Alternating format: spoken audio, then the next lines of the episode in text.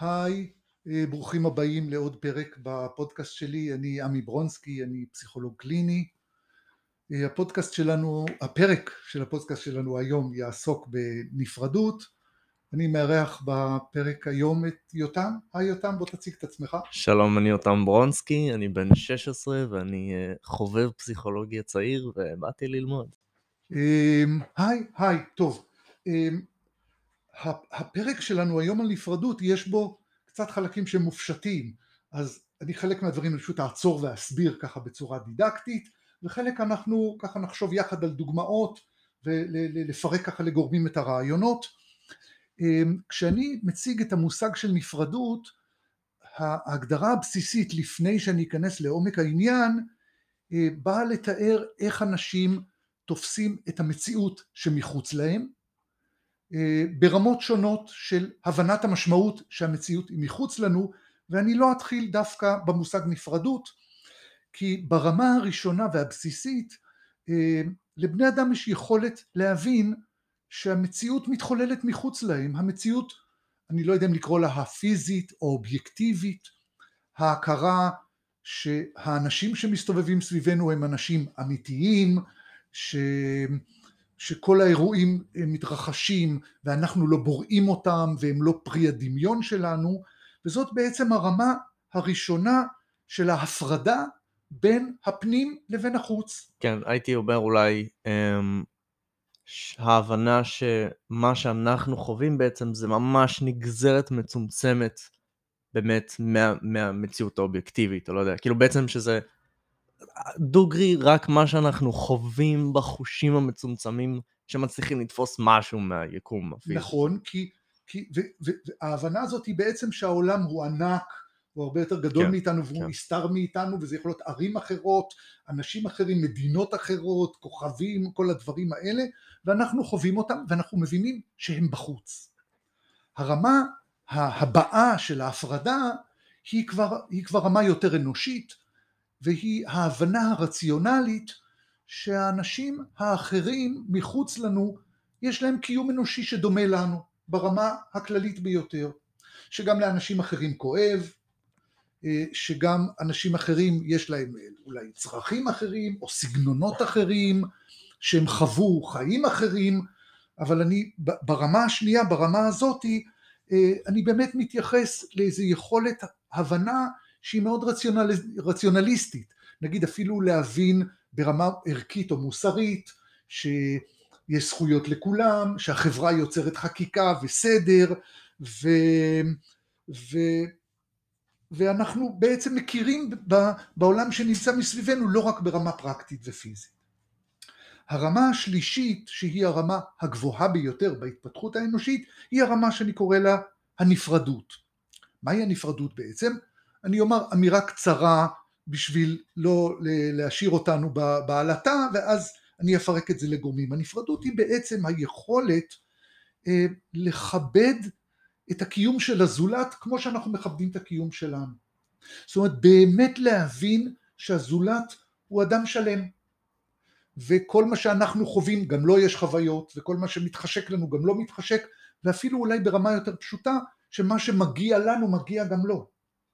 כן, לדעתי זה אפילו אה, במקום, כאילו, אתה מסביר את זה בעצם בצורה של איך אתה חווה אנשים אחרים, ואני חושב יותר איך אתה חווה את עצמך כחלק ממשהו עצום. אה, גדול יותר. כן, גדול יותר, וכאילו, שהשינוי העיקרי הוא הדרך ש... איך שאתה תופס את עצמך ביחס לשאר האנשים כעוד אחד מ... השבעה מיליארד אנשים של כדור הארץ ולכל אחד מהם יש חיים בדיוק כמו שלך. נכון. הטענה שלי שכדי שהתפיסה הזאת תהיה תפיסה שלמה ואנושית ומורכבת אז צריך לפרק לגורמים את המושג הזה שאני קורא נפרדות. להבין את הנפרדות אנחנו צריכים להתחיל מהמושג שנקרא אגוצנטריות. מה זה אגוצנטריות? אגוצנטריות, אגוצנטריות היא חוויה אנושית שהאדם למעשה באופן טבעי חווה את עצמו כמרכז העולם, שהוא לא תופס באמת באיזושהי צורה מורכבת או עמוקה שכל הקיום שמחוץ לו ושלא רלוונטי לו הוא באמת משמעותי. הדוגמאות הקלאסיות נגיד זה גם דוגמאות על ילדים, אני זוכר שהייתי בתואר הראשון, אז היו מלמדים אותנו שהילד חושב שהעולם נגמר בקצה הרחוב שהוא גר בו. כי פשוט הוא לא מבין, כמו שאמרת, שהוא חלק מעולם גדול יותר, או שהוא חושב שהשמש זורחת כי הוא צריך לקום לגן. עכשיו, יש לי דוגמה קצת יותר מורכבת של אגוצנטריות, שזה ה, ה, השאלה הכאילו פילוסופית, אה, האם כשעץ נופל ביער הוא עושה רעש. עכשיו, התשובה שלי, לפי תפיסת העולם שלי, היא מאוד פשוטה, שזו שאלה של אגוצנטריות, ועץ בוודאי לא עושה שום רעש, שבן אדם איננו הוא לא, הוא לא עושה רעש, וגם כשבן אדם נמצא הוא לא עושה רעש, עץ נופל והנפילה שלו יוצרת הדף. וההדף הזה יכול להעיף עלים באוויר, וההדף הזה יכול להתרגם אצל בעלי חיים אחרים כצבעים או אורות, וכשהוא פוגע באברי השמיעה ומגיע למוח, אז המוח שלנו מפרש את זה כרעש. ורעש זו פשוט חוויה אנושית, והעץ לא עושה רעש, אנחנו חווים את מה שהעץ עושה כרעש. כן, שהיא נגזרת שאנחנו יצרנו של איזושהי חוויה משותפת לכולנו כבני אדם. בדיוק. וזה לא בנוי לתוך היקום. וזה לא כאילו נכון בצורה אבסולוטית, הדבר כן. שהוא עושה הוא איננו רעש, אני חווה רעש. עכשיו, האגוצנטריות האנושית היא בעצם תוצאה שלאנשים יש יכולת מוגבלת לתפוס דברים שהם גדולים מהם או מחוץ להם, ולכן הם מניחים שהקיום הוא משרת אותם, אה, ברור, ילדים קטנים ממש, פעוטות או עוללים, הם מניחים שהם בוראים את העולם, יש דימוי פסיכולוגי קלאסי ש, שתינוק בין uh, כמה שבועות שהוא רעב, אז עולה לו רעב, הוא חושב שהוא בורא את הציצי של אימא שלו. זאת אומרת, כאילו, זאת ההנחה, שזאת באמת האגוצנטריות הכי הכי בסיסית. איך בני אדם יוצאים מהאגוצנטריות שלהם, שזו משימה מאוד גדולה. Uh, גם על ידי התפתחות החושים, והתפתחות המוח והבנה ש, שהם בחוץ, ולאט לאט הם גם המוח החושי וגם המוח האנושי שלהם מתפתח והם מתחילים להבין לאט לאט שהם חלק מהעולם על ידי שהם נחשפים לעולם, שיש להם חברים בגן, והם יודעים שהחבר הולך לבית שלו בסוף היום ואני הולך לבית שלי, ואז יש איזושהי יציאה מהאגוצנטריות. לא כל בני האדם באמת יוצאים לגמרי מהאגוצנטריות. הדוגמאות הקלאסיות זה הם הנטייה של בני אדם לתפוס את העולם כמקום אובייקטיבי. אה, נגיד כמו ב, אה, באוכל, שבן אדם יכול לומר על אוכל מסוים שהוא טעים, והוא אומר את זה באמת כאיזשהו תיאור אבסולוטי. הוא אומר מי יכול לאכול, נגיד אנשים שלא אוהבים כוסברה, כמונו, מי יכול לאכול כוסברה זה מגעיל. עכשיו אז הוא פוגש מישהו שבכל תבשיל מכניס כוסברה, והוא אומר לעצמו מה, מה עובר לאנשים האלה בראש, הוא לא מבין שהמערכת שלו, כאילו, שזה העדפה אישית. אני אפילו אומר יותר מזה, להגיד טעים זו אמירה שאין לה בסיס. אם אתה לא אומר טעים לי, אז חוויה אנושית סובייקטיבית אי אפשר לתאר אותה בכלל. כן, בדיוק. כאילו, אה, והמחשבה הזאת נובעת מהנחה כאילו ש... שלחוויה שלך יש כאילו בסיס אמיתי כאילו טבוע ביקום, כאילו שאם לי זה טעים אז המאכל טעים, אבל אין דבר כזה מאכל טעים, כי טעים זה פשוט חוויה. כאילו. נכון. אה, אה, נגיד אובייקטיבי.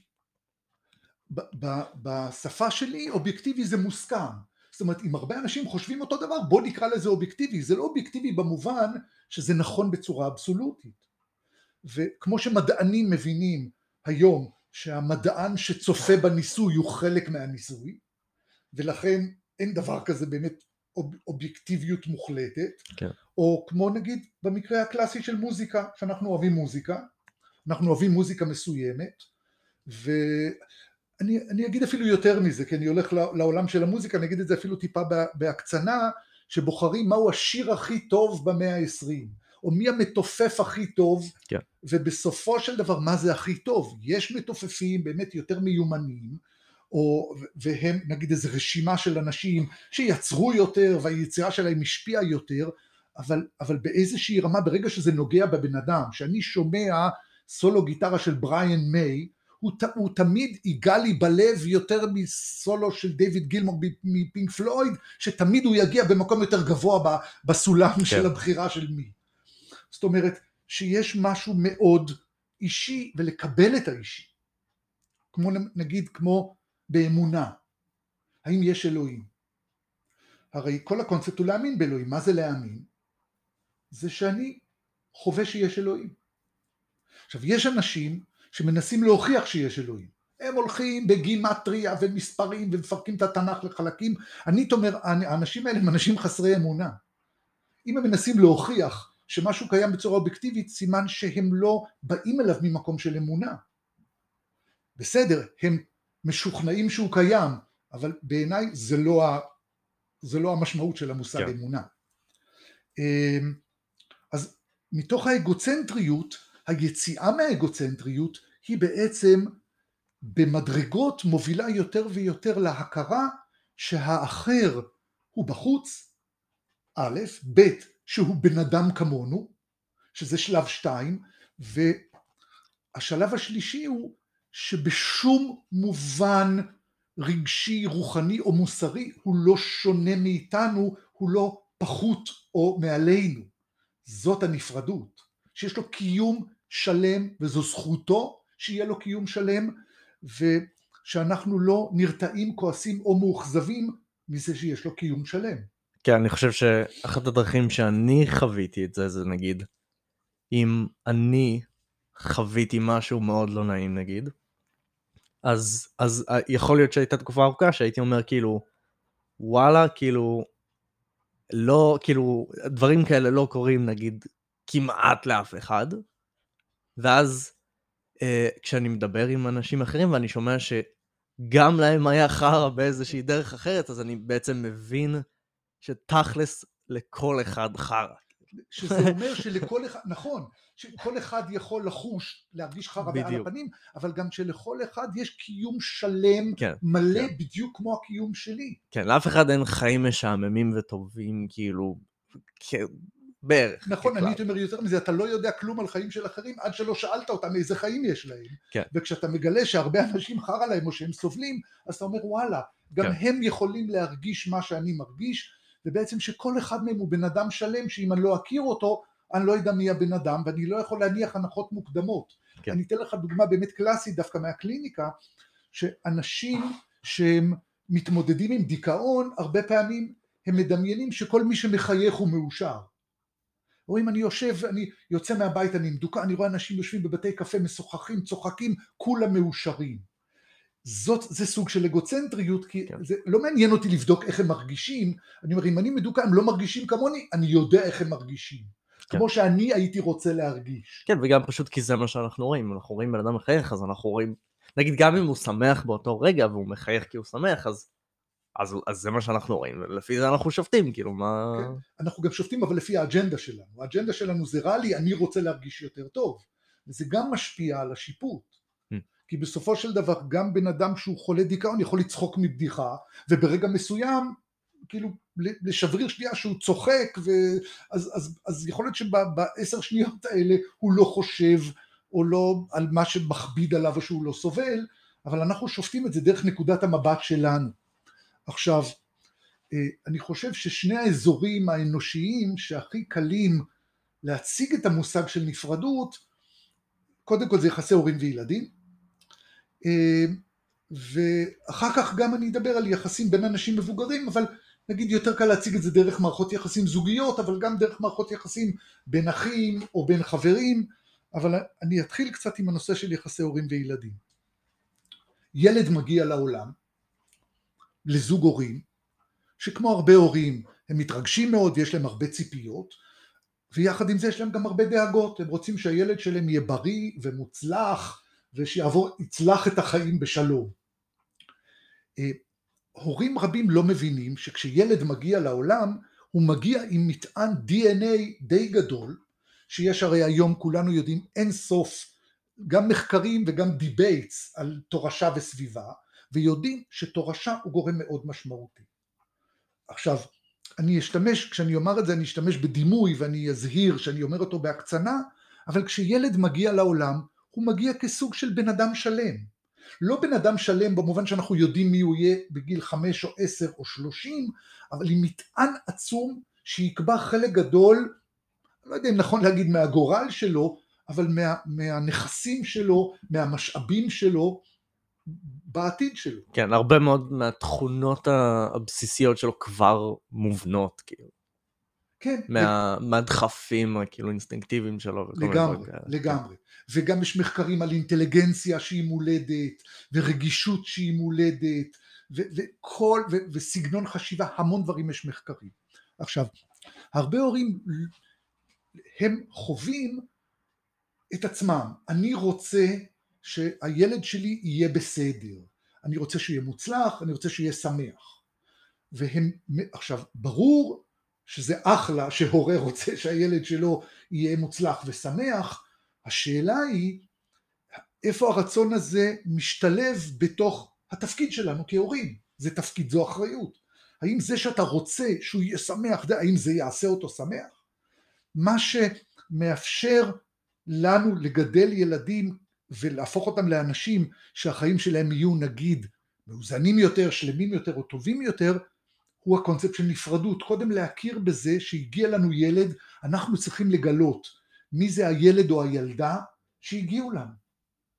זאת אומרת, האם הוא רגיש לרעשים, האם הוא אוהב מתוק, האם הוא אוהב מלוח, האם הוא פיזי והוא נעמד מהר, האם הוא עדין ואז הוא חושב או היא חושבת מהר אבל היא נעמדת יותר לאט. כן, ואתה אומר שכל הדברים האלה הם כאילו באים כבר כשהתינוק נולד, כאילו. הם באים כאילו כמו שאתה קונה מחשב עם Windows 10. עכשיו אני לא אומר כולם, אני אפילו, אני כן הייתי אומר רובם, בהנחה סטטיסטית שרובם זה 51 אחוז, או 50 אחוז נקודה אפס משהו, אז כן, חלק גדול מהדברים הם מולדים, והמשימה הכי חשובה של הורה כדי לגדל ילדים מתוך נפרדות, זאת אומרת לעזור לילד לגדול ולהיות, לילד או לילדה להיות הכי טוב שהם או הן יכולים להיות, זה לגלות קודם כל את מי אתה מקבל. ולגדל אותו בידיעה ש, שאם, לא יודע מה, יש לך, אה, לא יודע, ילדה שאוהבת לישון, או שהיא לא אוהבת לישון, או מתי היא אוהבת לישון, או מה היא אוהבת לאכול, או, או אם היא שבעה מהר, או אם היא שבעה לאט, אפילו ניתן דוגמה יותר קיצונית שאנחנו מכירים, יש ילדים שהם לא רעבים, לא רעבים, בום, רעבים תוך שנייה. עכשיו אם אתה רוצה שילדה כזאת תהיה רגועה ושמחה, אתה צריך לדעת, נגיד בחודשים הראשונים, שאתה צריך את האוכל מוכן מראש.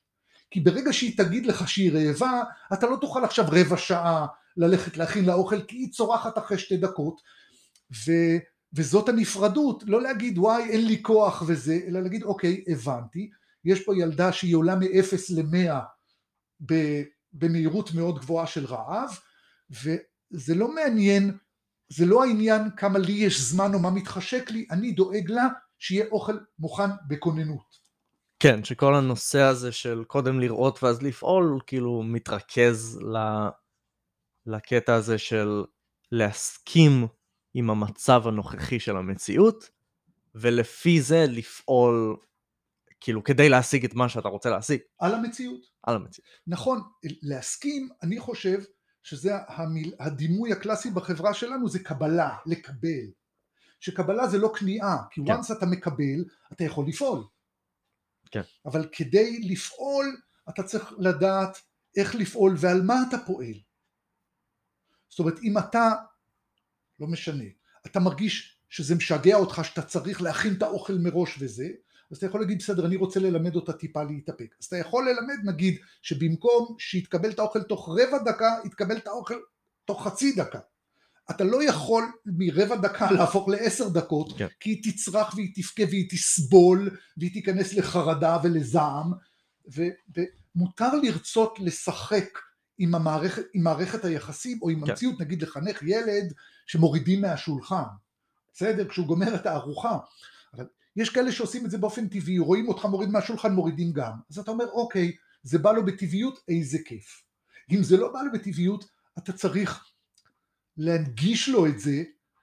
אה, אומרים, יש ביטוי, אני, אני חושב שהוא ביטוי ביהדות, חנוך לנער על פי דרכו. זאת אומרת, תגיש לו דברים לפי מה שמתאים לו באופן ספציפי. כן. מתוך ההכרה שהוא נפרד, מתוך ההכרה שהוא אחר. ללמד אותו כאילו איך שהוא לומד. נכון, ללמד אותו כאילו מתוך עצמו. כן. אמ, בכל דבר, אם הוא יודע להכין שיעורים לבד או שהוא לא יודע להכין שיעורים לבד. אם אתה מניח שהוא יודע להכין שיעורים לבד, אז פתאום תגלה אחרי חצי שנה שהוא לא הכין שיעורים, כן. כי לא בדקת האם מהטבע שלו הוא אוהב להכין שיעורים או לא, ואז כשאתה תבוא וכבר יהיה לו הכל ציוני נכשל, מריבות, צעקות, בלאגן, כן. כי, כי בשלב מוקדם אתה הפסקת לבדוק מיהו האדם הנפרד האחר שנמצא בצד השני. זה נכון גם, ברור שזה נכון בכל מובן אנושי, אבל זה נכון גם במערכות יחסים, אני אתן את הדוגמה של מערכות יחסים זוגיות, אבל אתה יודע, זה יכול להיות גם מערכות יחסים של חברים, שיש בצד השני בן אדם אחר, עכשיו אני אומר את זה כאילו כדבר טריוויאלי, אבל הוא דבר חשוב, שהוא אדם שלם. ו, וגם בין חברים, וגם כשבנים בנות יוצאים, או גברים ונשים, לאנשים יש את העדפות שלהם. ואני יכול לנסות להתחבר עם מישהו, והוא לא אוהב את ההומור שלי, או הוא לא אוהב שאני לא אוהב לצאת לשתות, או כל מיני דברים כאלה, והוא כבן, אני ארצה להיות איתו, אבל הוא לא, לא ירצה להיות איתי. הוא לא צריך לרצות להיות איתי, כי פשוט זה לא הגיוני וזה לא אפשרי, אני יכול להציע את עצמי, אני יכול לברר מה הוא יותר אוהב, אבל בסופו של דבר לזולת, בין אם זה החברה שלך או החבר שלך או, או, או בן הזוג בצד השני, הוא עולם שלם עם העדפות, והדבר הזה הוא נקודת פתיחה, הוא מין משהו כמעט מוחלט כזה, שאי אפשר לעצב את האחר. בדיוק. ואתה צריך פשוט, אה, לא מאוד פשוט, אבל לקבל את הסיטואציה הנוכחית ולפעול לפי זה. נכון. אני אגב לא מסכים איתך שאתה אומר לא מאוד פשוט, כי אני אוהב להפריד בין פשוט וקל. זה מאוד פשוט 아, אה, וזה כן. מאוד קשה. נכון. כי פשוט וקל אלה דימויים שונים בתכלית, זה יכול להיות מאוד פשוט. כן. נגיד העיקר הבריאות, זה מאוד פשוט. עכשיו, לך תשמור על הבריאות, זה מאוד קשה. זאת אומרת, להבין שבצד השני יש מישהו שהוא לא רוצה את מה שאני רוצה, אולי הוא לא רוצה אותי, אני יוצא עם מישהי, היא לא רוצה אותי, וזכותה, ולא איך היא עושה לי את זה, ומה אני לא מספיק טוב, ושוב, אלה אמירות של חוסר נפרדות. העניין הוא שבצד השני יש מישהו שהזכויות שלו הן שוות ערך לזכויות שלי, העדפות שלו הן שוות משקל לעדפות שלי, ובעצם מאחורי זה עומד הדימוי של לשחרר. עכשיו, בפסיכולוגיה יש דימוי שנקרא להיפרד. עכשיו, להיפרד זה לא להתנתק. לפעמים באים מטופלים שהם אנשים בני 30, 40, 50, יש להם הורים בחיים ומערכת היחסים היא סבוכה. כן, וזה, ואימא שלי מתקשרת פה ואבא שלי לא בא לשם והוא לא מוכן לעזור לי עם זה וכל מיני דברים כאלה. כשאני, כשאני מדבר על נפרדות, אני מדבר על להיפרד. להיפרד ממה? להיפרד מזה שהבן אדם הזה שהביא אותך לעולם היום לא יכול לתפקד בתור הדמות ההורית שלך. הוא היה ההורה שלך עד גיל 18. קם, האכיל אותך בלילה, אה, אה, לקח אותך לרופא לארבע בבוקר, בארבע בבוקר, עשה את הכל מהכל, ובאיזשהו שלב, אה, לפעמים זה יכול להיות גם הורה שאתה מגלה שהוא בן אדם יותר, נגיד, שאתה מגלה שהוא בן אדם יותר ילדותי. ופתאום אתה מגיע לגיל שהוא כבר לא יכול לשמש בשבילך לא דמות להשראה, הוא אפילו לא פנוי רגשית בשביל לטפל בך. ו, ואז אני אומר לאנשים, אנחנו עושים תהליך של פרידה, זה לא תהליך של ניכור. אנחנו מכבדים את ההורים שלנו על, על זה שהם הביאו אותנו לעולם, שהם גידלו אותנו והם שמרו עלינו, ואנחנו בקשר איתם מתוך הכבוד למה שהם עשו בשבילנו בעבר, אבל היום הם לא פונקציות הוריות. התהליך הזה הוא פרידה, והפרידה הזאת נשענת על ההכרה בנפרדות, שלפעמים בן אדם, שהוא היה הורה מצוין כשהייתי בן חמש, הוא לא מתאים להיות הורה למישהו בן חמישים, והנפרדות היא שבצד השני יש מישהו שהיום לא יכול לתפקד כהורה. ואתה לא יכול להאשים אותו לא שהוא הביא אותך לעולם, או וגם אתה לא יכול להאשים אותו שאתה לא נותן לי את מה שאני צריך. אולי הוא לא רוצה, אולי אין לו. ואני קורא לתהליך הזה תהליך של פרידה, שהפרידה היא דימוי, פרידה ממי שהוא היה בשבילי פעם, וקבלה של מישהו בשבילי היום. והפרידה הזאת נשענת על היכולת לנפרדות.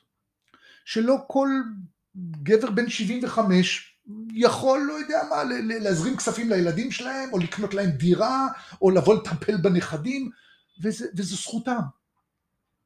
ו, וזאת הנפרדות. אמ, אני, אני, ברור שאפשר להביא המון דוגמאות לנפרדות. אני חושב שנפרדות היא המפתח, כאילו בשביל לסגור את הפרק, היא המפתח לקשר הדדי טוב ובריא. כי once בצד השני יש מישהו שיודע מי אני, ואכפת לו מי אני, לא שופט אותי, אני מצטער שאתה מי שאתה, אה, הוא לא מתנכר לי ולא כועס עליי, אז שני אנשים יוצרים קשר שכל אחד מרגיש שיש לו מקום שלם וטבעי, ובעצם כשהיחסים נשענים על נפרדות, אז יש מקום למצוא את המשותף, ליהנות ביחד, להוקיר את כל מה שעברנו יחד כל החיים, אה, לפרגן אחד לשני. אה, אני, אני היום למשל מוצא את זה ביחסים עם החברים שלי, את יחסי הנפרדות, שחברים שלי לא שופטים אותי, והם לא כועסים עליי, והם לא מבקרים אותי, והם מכירים אותי, ואם משהו לא מתאים להם הם יכולים להגיד, והם עוזרים לי להרגיש בן אדם שלם בנוכחותם. בן אדם שאני מרגיש בסדר בכל מובן, וזו הנפרדות. כן. ברור שזה יותר קשה בזוגיות, שאנשים קמים כל בוקר ביחד, או יחסי הורים וילדים שמאוד תלויים אחד בשני, האתגר הזה הופך להיות הרבה יותר קשה, אבל עדיין הוא מטרה. לחיות חיים מתוך נפרדות, שגם אם הילדים שלי, משהו לא מתחשק להם, אז לא צריך להתחשק להם, אני צריך לשאול אותם מה אנחנו עושים כדי שנסתדר, ולא לגנות אותם לחשוב שהם שלוחה שלי, שהם חיילים שלי כמו שהם פקודים שלי, אלא שהם אנשים שלמים, מותר לי לבקש את מה שאני רוצה, מותר להם לבקש את מה שהם רוצים, והדיאלוג מאפשר את מה שאתה אמרת קודם, להשפיע על העולם, להשפיע על היחסים, ו... וללמוד, והקרבה הכי טובה והכי משמעותית היא נוצרת מתוך הנפרדות, כי היא מאפשרת באמת לכל אחד להרגיש טוב בקשר, ובאמת לבוא לקשר מתוך רצון להיות בקשר, שזה הדבר הכי הכי משמעותי. כן, בעצם שאנחנו לא כופים על שום דבר את, ה... את החוויה שלנו. כאילו. לג... אני, אני, כפייה, כאילו כפייה זה לא בא בחשבון. בדיוק, כן. גם בעיניי בסופו של דבר אידיאלית גם שיפוטיות זה לא בא בחשבון. בא בחשבון לראות מה אנחנו מרגישים, לפתוח דיאלוג ולראות איך אנחנו מסתדרים. מתוך זה שכל אחד בא, שכל אחד הוא בן אדם שלם. כן. וגם כשהילד, או גם כשהילדה שלי היא בת חצי שנה, יכול להיות שהזכויות והחובות שלנו שונים, אבל כאדם המעמד שלה הוא בדיוק כמו המעמד שלי. אה, זהו, אנחנו אה, סוגרים את הפרק הזה. נכון? היה מעניין. כן, כאילו, כן. הרבה דימויים שונים שבעצם... כן, לדעתי הדבר העיקרי שאני לוקח מזה באמת זה, אה, כאילו, אני אחזור על זה שוב, לקבל ואז לפעול. אני לגמרי מסכים, זאת אומרת, הפעולה הכי אפקטיבית, אני מסכים איתך, היא מגיעה אחרי קבלה, וקבלה זה ברור, הבנה וכיבוד מה שנמצא שם. השלמה, כן. כן, השלמה, נכון, כל מיני דימויים שמתארים שאנחנו לא נרתעים, לא שופטים, לא מסתייגים ממה בדיוק. שקורה, שוב, או במציאות או מי הבן אדם שנמצא מולנו, נכון? טוב, תודה לכם שהאזנתם לפרק שלנו בפודקאסט. אני עמי ברונסקי ואיתי יותם ברונסקי, ואנחנו ניפגש בפרקים הבאים. להתראות. ביי ביי.